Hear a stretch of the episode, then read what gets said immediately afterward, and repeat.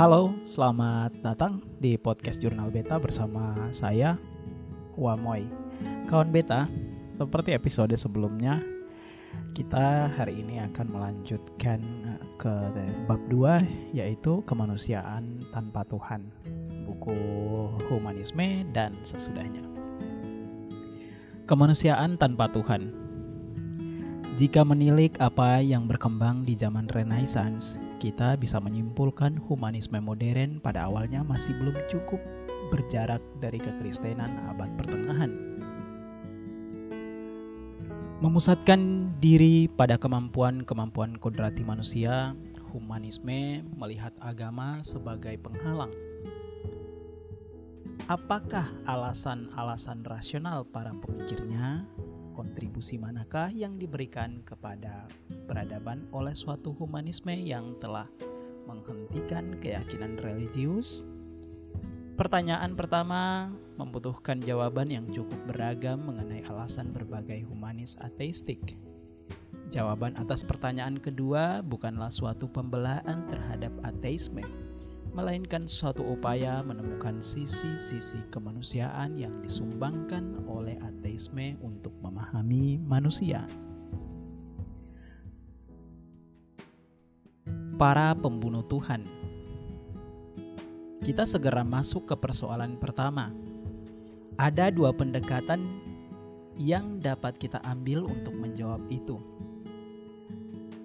Yang pertama, bersifat historis. Yang kedua, bersifat epistemologis. Secara historis, pertumbuhan ilmu kemanusiaan dan ilmu alam yang sangat pesat di zaman pencerahan abad ke-18 atau yang biasa disebut dengan zaman Aflarung merupakan prestasi besar peradaban yang membuat manusia memandang sejarah dan masa depannya dengan cara yang sama sekali baru. Kemajuan kesadaran itu semakin meyakinkan manusia untuk melihat masa lalu sebagai suatu kesalahan. Menurut diskursus humanisme masa itu yang diwakili oleh filsuf Jerman Immanuel Kant, kesalahan kerumunan saleh pada abad pertengahan adalah ketidakberanian mereka untuk berpikir sendiri di luar tuntutan dogmatisme agama dan otoritas yang menjaganya. Tidak ada sumber otoritas yang begitu menghasilkan kepatuhan dan kesediaan berkorban seperti aturan-aturan politis yang dibenarkan dengan nama Allah. Mempertanyakan peraturan-peraturan sakral seperti itu tidak hanya berisiko kematian di dunia ini, melainkan juga diyakini berisiko untuk dijebloskan ke neraka jahanam. Karena itu, tidak ada teror yang lebih efektif daripada teror atas nama Allah yang menyembul keluar dari doktrin-doktrin agama yang memusuhi kehidupan duniawi. Humanisme ateis dapat dipandang sebagai reaksi historis atas pengalaman buruk itu yang pada gilarannya membuat orang melihat Tuhan atau lebih tepat kepercayaan kepadanya sebagai infantilitasi dan pengembiri otonomi manusia. Karena itu, menurut para ateis, Tuhan harus dibunuh dalam kesadaran manusia. Jelas, untuk membunuh Tuhan, dia mesti ada lebih dahulu. Adalah sebuah kontradiksi mengatakan bahwa para ateis membunuh Tuhan karena mereka tidak mengakui dia ada, maka juga tidak perlu dibunuh. Lebih ironis lagi, ateisme pasti juga tidak ada bila Tuhan tidak ada maka itu lebih tepatlah mengatakan bahwa para ateis itu membunuh atau menghapus kesadaran akan Tuhan. Alasan epistemologis humanis ateis sudah jauh dari diletakkan oleh Kant.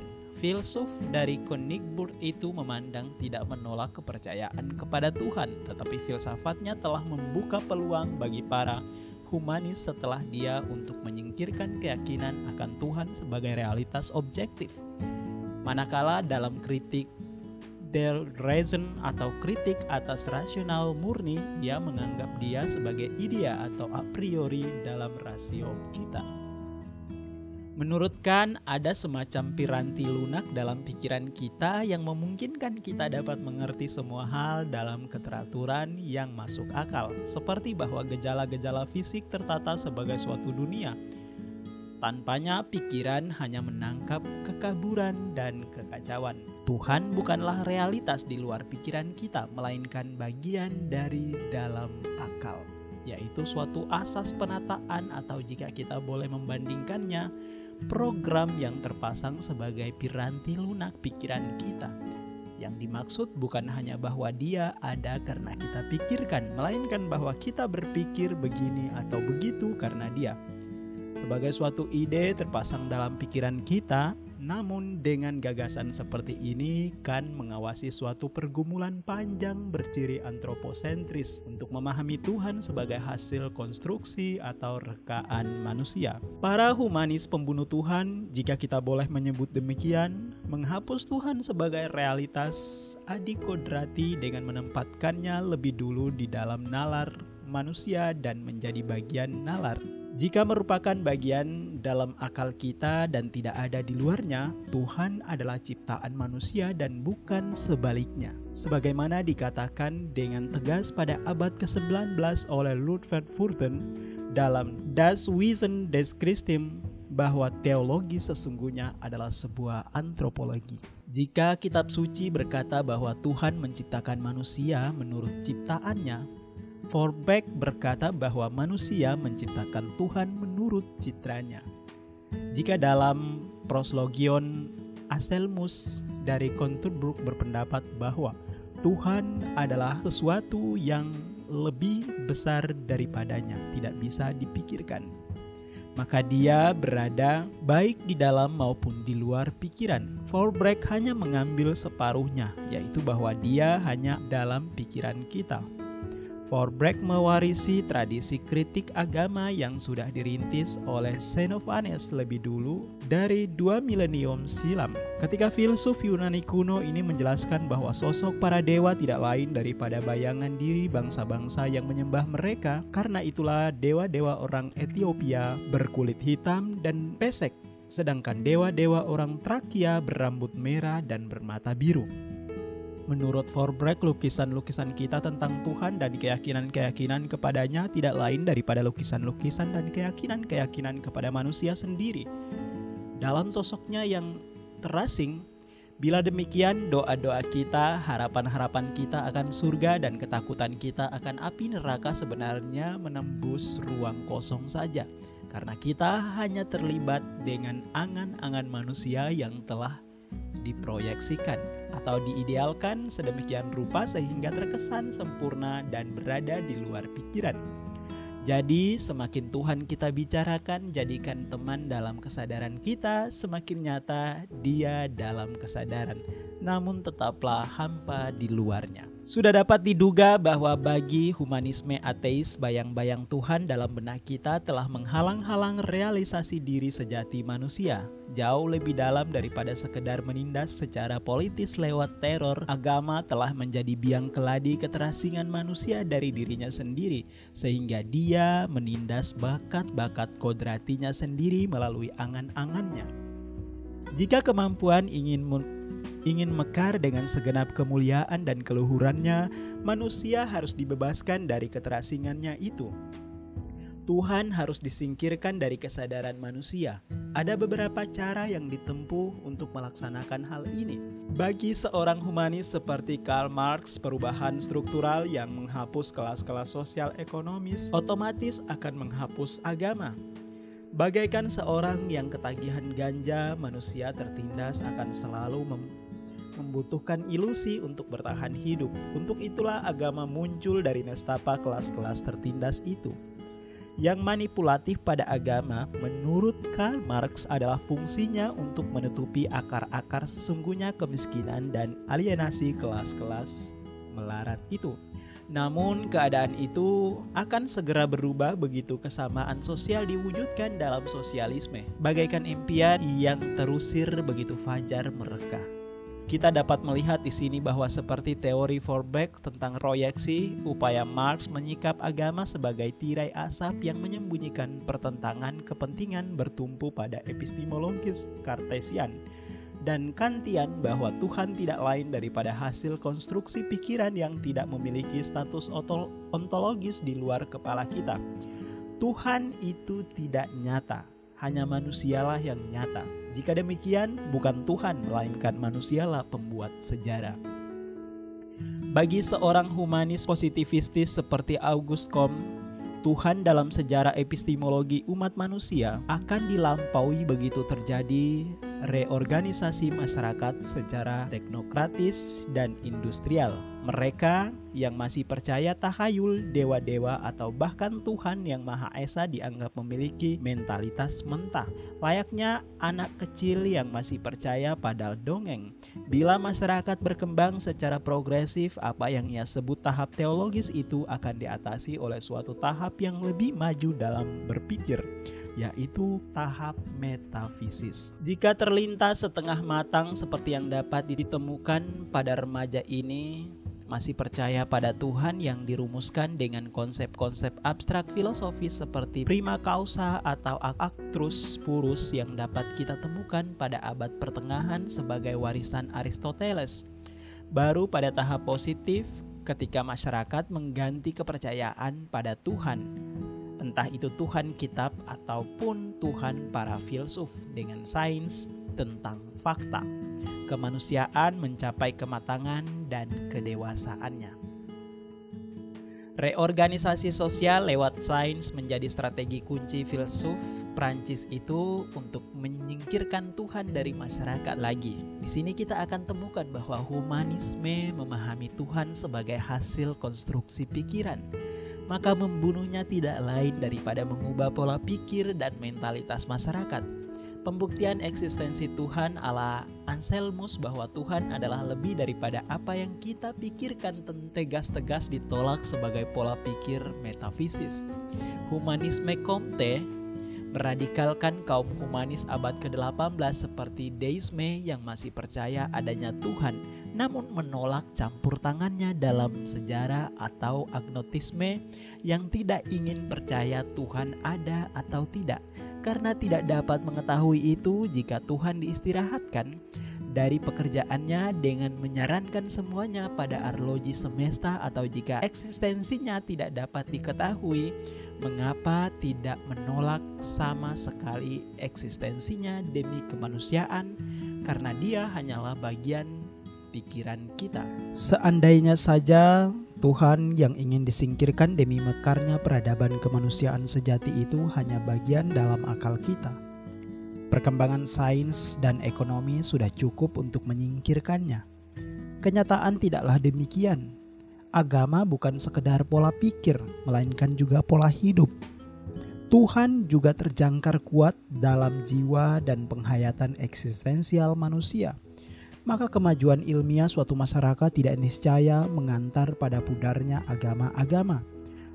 Terhadap kenyataan seperti itu, humanisme juga memiliki barisan pembunuh Tuhan yang membidikkan serangan pada penghayatan eksistensial manusia agar manusia sungguh-sungguh dapat muncul dengan segala otentisitas eksistensialnya tanpa menghamba lagi pada agama. Salah seorang di antara mereka, Friedrich Nietzsche, musuh nomor wahid kekristenan. Filsuf ini menggiring humanisme modern yang rasionalistik ke tepiannya dengan memaklumkan kehendak untuk berkuasa sebagai sumber kreativitas dan realisasi bakat-bakat besar manusia.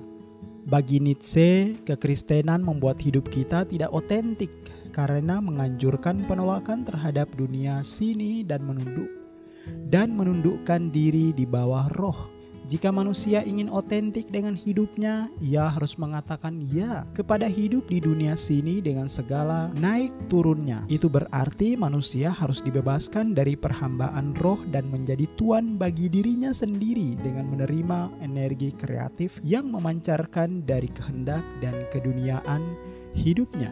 Dengan memaklumkan bahwa Tuhan sudah mati, filsuf di ujung abad ke-19 ini menubuatkan lahirnya suatu peradaban kemanusiaan tanpa Tuhan, tanpa menggantung otoritas supramanusiawi, tanpa ketakutan akan dunia di balik kubur, namun dengan hilangnya pegangan transendental keadaan memang terasa menyesakkan sebab manusia yang butuh untuk percaya telah kehilangan objeknya Namun seorang humanis otentik akan bersuka cita atas keadaan itu karena dari situ merekalah fajar zaman yang memungkinkan manusia tampil apa adanya dengan nilai-nilai keasriannya sendiri tanpa menghamba pada agama ataupun Tuhan.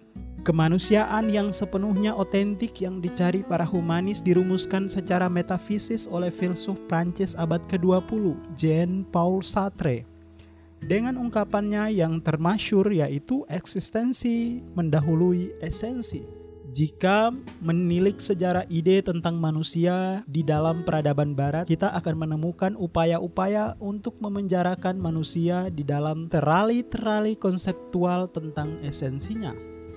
Esensi adalah konsep yang sangat umum tentang apa-apaan manusia maka esensi bisa dianggap sebagai suatu cetak biru bagaimana manusia menjadi suatu tidak dapat diragukan bahwa cetak biru atau kerangkeng esensi yang paling dominan berasal dari agama. Ketika agama mengajarkan kepada kita sejak kecil bahwa Tuhan dibayangkan sebagai seniman adikodrati, telah menciptakan manusia menurut citranya, yakni memasukkan kita ke dalam desainnya Sartre menolak tegas upaya untuk menjerat manusia ke dalam rancangan-rancangan teologi semacam itu. Menurutnya, manusia bereksistensi dulu, yakni berada di dunia ini, dan baru kemudian bisa didefinisikan esensinya, yakni setelah ia mati. Eksistensi mendahului esensi, berarti suatu kebebasan manusia yang mutlak tanpa Tuhan, yang memberi tujuan-tujuan kepada hidupnya. Manusia yang bertuhan menemukan makna hidupnya jika hidupnya merupakan realisasi destiny atau takdirnya. Namun menurut Sartre, destiny atau tujuan yang ditetapkan oleh Tuhan sejak awal mula justru merupakan sesuatu yang memasung kebebasan manusia untuk merealisasikan diri dan kebebasannya. Jadi tidak ada destiny dari luar diri manusia. Satu-satunya destiny manusia adalah kebebasannya karena itu, dalam peradaban humanistik, kita akan menghargai manusia bukan karena kesesuaiannya dengan standar-standar kemanusiaan tertentu yang ditetapkan lebih dahulu, entah secara metafisis ataupun teologis, melainkan karena manusia adalah kebebasan itu sendiri.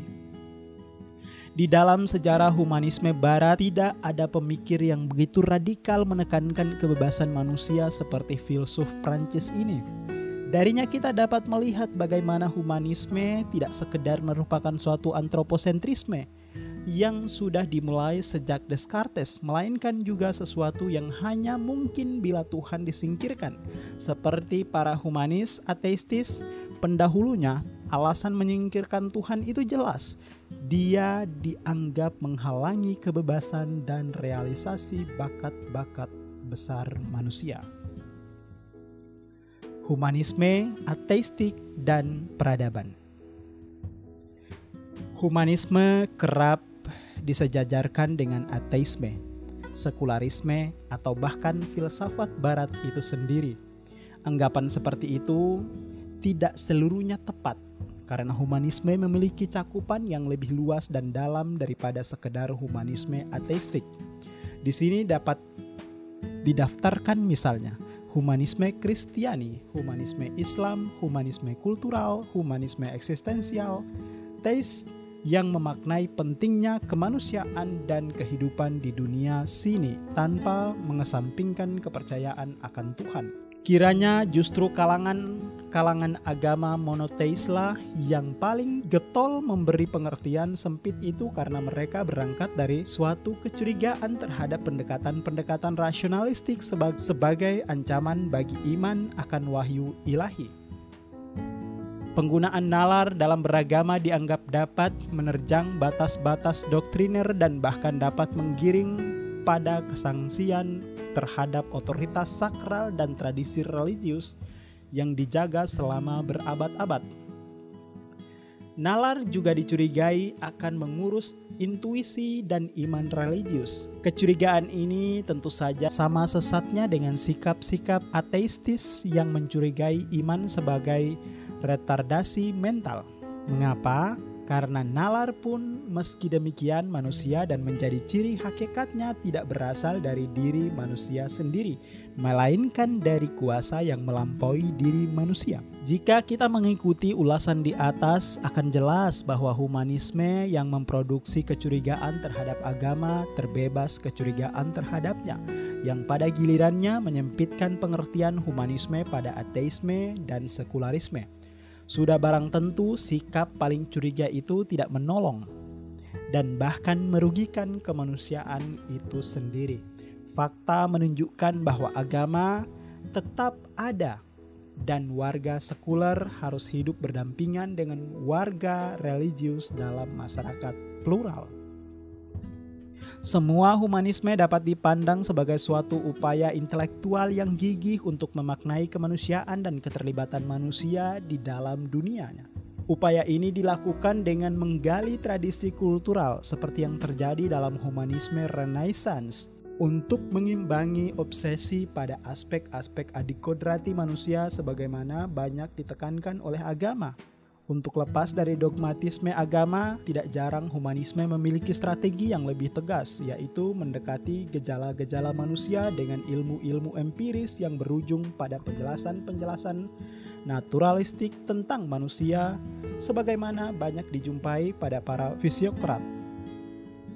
The Daisen, kaum materialis di Eropa abad ke-18, para behaviorist dan para evolusioner abad ke-20 dalam upayanya berebut manusia dari tafsir-tafsir teosentris agama. Humanisme bahkan juga mengambil strategi yang ekstrim dengan menolak keyakinan religius dan perannya dalam kesadaran manusia, sebagaimana dilakukan oleh para humanis ateistik yang baru saja kita bahas.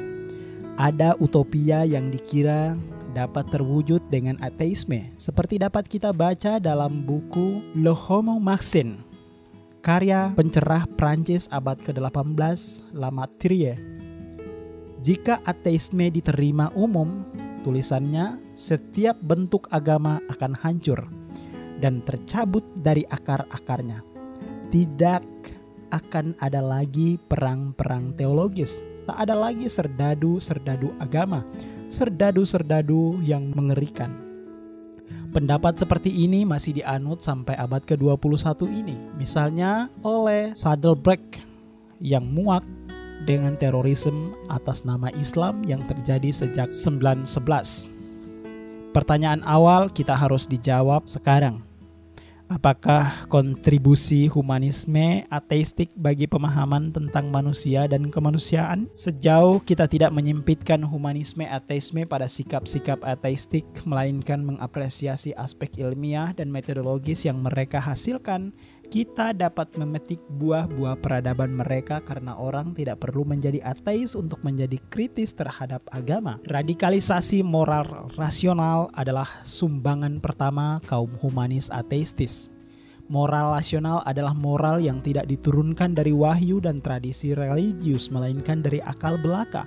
Moral yang imanen pada kemanusiaan kita ini menjadi proyek lama sejak Kant dan The Dyson pada abad ke-18. Para humanis pencerah ini masih menerima eksistensi Tuhan meskipun peranannya sangat minimal dalam sejarah. Jika tidak ingin mengatakan tidak ada sama sekali, berkeyakinan bahwa tanpa wahyu akal belaka dapat memberi informasi tentang mana yang baik atau yang buruk, tidak otomatis menyingkirkan iman akan Tuhan namun, bukankah iman menjadi berlebihan jika rasional belaka sudah cukup untuk memberi tilikan moral tanpa wahyu ilahi?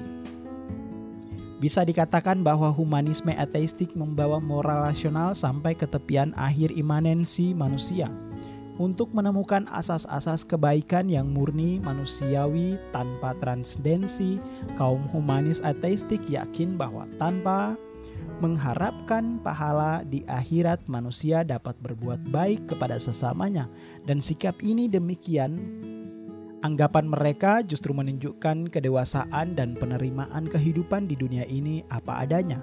Manusia bisa bertindak adil, jujur, setia, andal dan siap menolong sesamanya tanpa diperintah oleh agama atau oleh doktrin spesifik tertentu.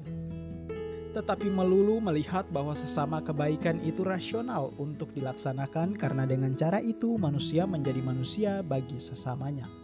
Moral rasional meyakinkan kita untuk menerima adanya nalar telanjang yang tidak berbusana nilai-nilai agama atau kebudayaan mana pun.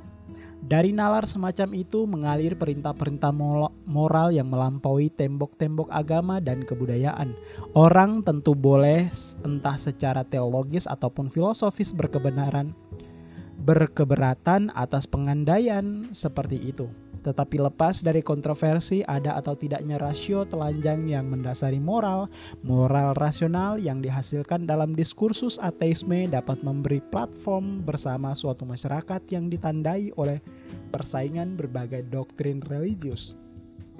Moral rasional tidak dikhususkan pada iman religius tertentu, maka membantu toleransi, dan dalam masyarakat modern yang semakin kompleks, berbagai bentuk etika modern yang sudah menjadi bagian penting kehidupan kita, seperti etika politik, etika sains, etika profesi, etika biomedis, etika bisnis merupakan hasil-hasil perkembangan moral rasional itu. Sumbangan kedua humanisme ateistik adalah kritik agama. Religius kritik itu sendiri sebagai suatu pendekatan rasional yang dapat dilihat sebagai sesuatu yang bermanfaat untuk memurnikan iman religius. Ateisme adalah satu hal, tetapi kritik agama adalah hal lain. Yang percaya kepada Tuhan dapat memanfaatkan kritik agama tanpa harus mengambil sikap ateistik. Kritik agama membantu orang untuk mengambil jarak kritis terhadap penghayatan religiusnya. Sebagaimana pandangan dunia total, agama mengklaim kebenaran absolutnya, sehingga tak seorang pun berani mempersoalkannya. Akal pun dikebiri demi iman yang buta yang pada gilirannya menginduk pada otoritas yang disakralkan. Keadaan itu tidak bisa disebut manusiawi karena bakat-bakat rasional manusia ditindas. Semakin agama dan praktik-praktiknya mencekik kebebasan manusia dan, dan membengkok menjadi ideologis, hipokrit, dan fanatis, semakin besar kebutuhan akan kritik agama untuk memberi nafas dan kesadaran akan dimensi kemanusiaan dalam agama. Kritik agama, katakanlah, tidak membebaskan dari agama, melainkan membebaskan untuk agama. Lewat kritik agama, para humanis ateis itu menantang orang-orang beriman untuk secara mendalam merenungkan mengapa dan bagaimana mereka beriman. Dalam arti ini, orang-orang percaya mereka tentang untuk memperlakukan iman mereka tidak sebagai keyakinan-keyakinan konservasional, belaka yang mereka pegang dengan mata tertutup. Orang percaya, demikian tulis Herwig Art. Seharusnya berterima kasih selalu kepada para ateis. Mengapa? Karena kritik agama memurnikan iman mereka. Bagaikan bubuk mesiu yang meletus dan mengganggu telinga. Kritik agama menggugah orang beragama untuk meminjam istilah kan terjaga dari tidur dogmatisnya. Tentu, sikap mau belajar para ateis ini mengandaikan bahwa yang mau belajar itu lebih dulu merasa cukup aman dengan dirinya dan untuk itu memang dibutuhi dibutuhkan iman sehingga tidak memandang ateisme sebagai musuh betapapun sucinya, agama melibatkan banyak hal yang bersifat manusiawi dan duniawi, seperti imajinasi sosial, manusia, kepentingan kelasnya, sistem penghayatannya, atau tradisi kulturalnya. Kita tahu gambaran tentang surga dan bahkan juga tentang Allah, Allah dalam berbagai agama berbeda satu sama lain, antara lain karena agama-agama muncul dari konteks sosio-historis yang berbeda. Dengan hanya percaya saja tanpa juga berpikir gambaran tentang Tuhan lama kelamaan dipercayai sebagai Tuhan itu sendiri, padahal gambaran tentangnya dibangun oleh sejarah, kekuasaan, dan kebudayaan manusia. Alih-alih memuja Tuhan, manusia lalu memuja gambaran Tuhan yang tidak lain daripada berhala pikirannya sendiri. Forbeck, Marx, Comte, Nietzsche, dan Sartre benar bahwa sesuatu yang dihasilkan oleh pikiran telah mengasingkan manusia dan memasung kebebasannya. Mereka menyebutnya itu Tuhan. tetapi kita menyebutnya dengan lebih tepat, yaitu gambaran tentang Tuhan. Jika yang dipersoalkan adalah gambaran Tuhan, kritik agama sebenarnya akan sangat menolong umat beragama sendiri memberikan. Jika yang dipersoalkan adalah gambaran Tuhan, kritik agama sebenarnya akan sangat menolong umat beragama sendiri membersihkan imannya dari delusi, infantilitas, ekskapisme, dan fanatisme dalam menghayati agama, karena Tuhan lebih akbar daripada apa yang dapat dipikirkan oleh manusia.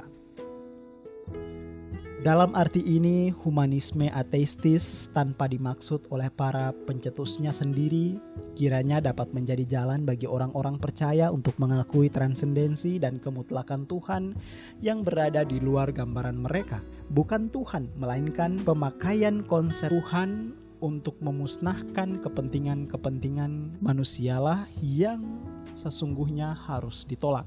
Bukan Tuhan melainkan gambaran tentang Tuhan yang kelirulah yang sesungguhnya harus kita bunuh.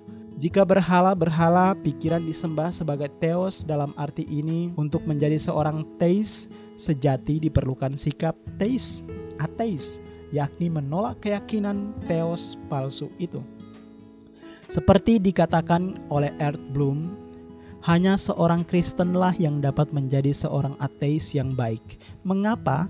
Karena seorang ateis yang baik selalu berupaya untuk memerdekakan dirinya dari perbudakan intelektual, imperialisme ideologis, dan tahayul teokratis. Dan semua upaya ini dimiliki oleh seorang Kristen yang saleh sekaligus cerdas. Akibat keteguhannya menentang berbagai delusi agama Romawi itu, para mart martir Kristen di zaman Nero dijuluki Athewi. Perkembangannya ilmu-ilmu empiris yang meneliti agama kiranya merupakan sumbangan ketiga yang bersifat pragmatis dari humanisme ateis. Selain Froberg, Nietzsche, dan Sartre, tentu kita harus menghitung Freud dan para behaviorist yang memperlakukan agama sebagai objek riset mereka. Jauh sebelum munculnya para ateis, apa yang disebut ilmu agama tidak kurang dari suatu teologi yang menjelaskan, membenarkan, dan membela iman sendiri. Dewasa ini, dunia ilmu dan pendidikan tinggi telah memiliki dan mengembangkan berbagai ilmu empiris dan percabangan mereka seperti psikologi agama, sosiologi agama, antropologi agama, sejarah agama-agama. Ilmu-ilmu tersebut memperlakukan gejala-gejala agama seperti mistik, trance, bahasa roh, penyembuhan lewat iman, kemartiran, sebagai gejala-gejala manusiawi yang dijelaskan secara rasional dan empiris. Pendekatan-pendekatan ini berguna untuk melihat gejala-gejala religius dari sisi manusiawi agar manusia sendiri tidak memutlakkan pengalaman subjektifnya sebagai kebenaran ilahi. Humanisme ateistik banyak mendorong peralihan sudut pandang dari perspektif penghayat ke perspektif pengamat yang banyak membantu mengembangkan etos riset ilmiah tentang agama yang hari ini dimiliki dunia ilmu. Bersama dengan moral rasional dan kritik agama, ilmu-ilmu empiris tentang agama banyak membantu umat beragama sendiri dalam menghayati imannya secara dewasa tanpa mengesampingkan peranan akal. Ini terjadi dalam banyak studi baik di kalangan Katolik maupun Protestan di barat untuk merekonstruksi suatu teologi yang sesuai dengan kompleksitas dunia modern kita dan karenanya juga menolong penghayatan iman yang lebih transformatif dan toleran. Tentu saja, keterbukaan terhadap ilmu-ilmu agama mengandaikan sikap rasional agama. Suatu agama atau suatu cara penghayatan religius dalam agama yang menutup diri terhadap cahaya akal dan beralih ke persepsi batinia belaka, yakni tanpa mediasi akal akan menampik filsafat dan ilmu-ilmu agama itu sebagai buatan iblis yang mengasihkan iman. Jelas itu sebuah kesalahpahaman yang berbahaya karena akan sangat memiskinkan bakat-bakat manusia. Thank you for listening and see you next time again. thank you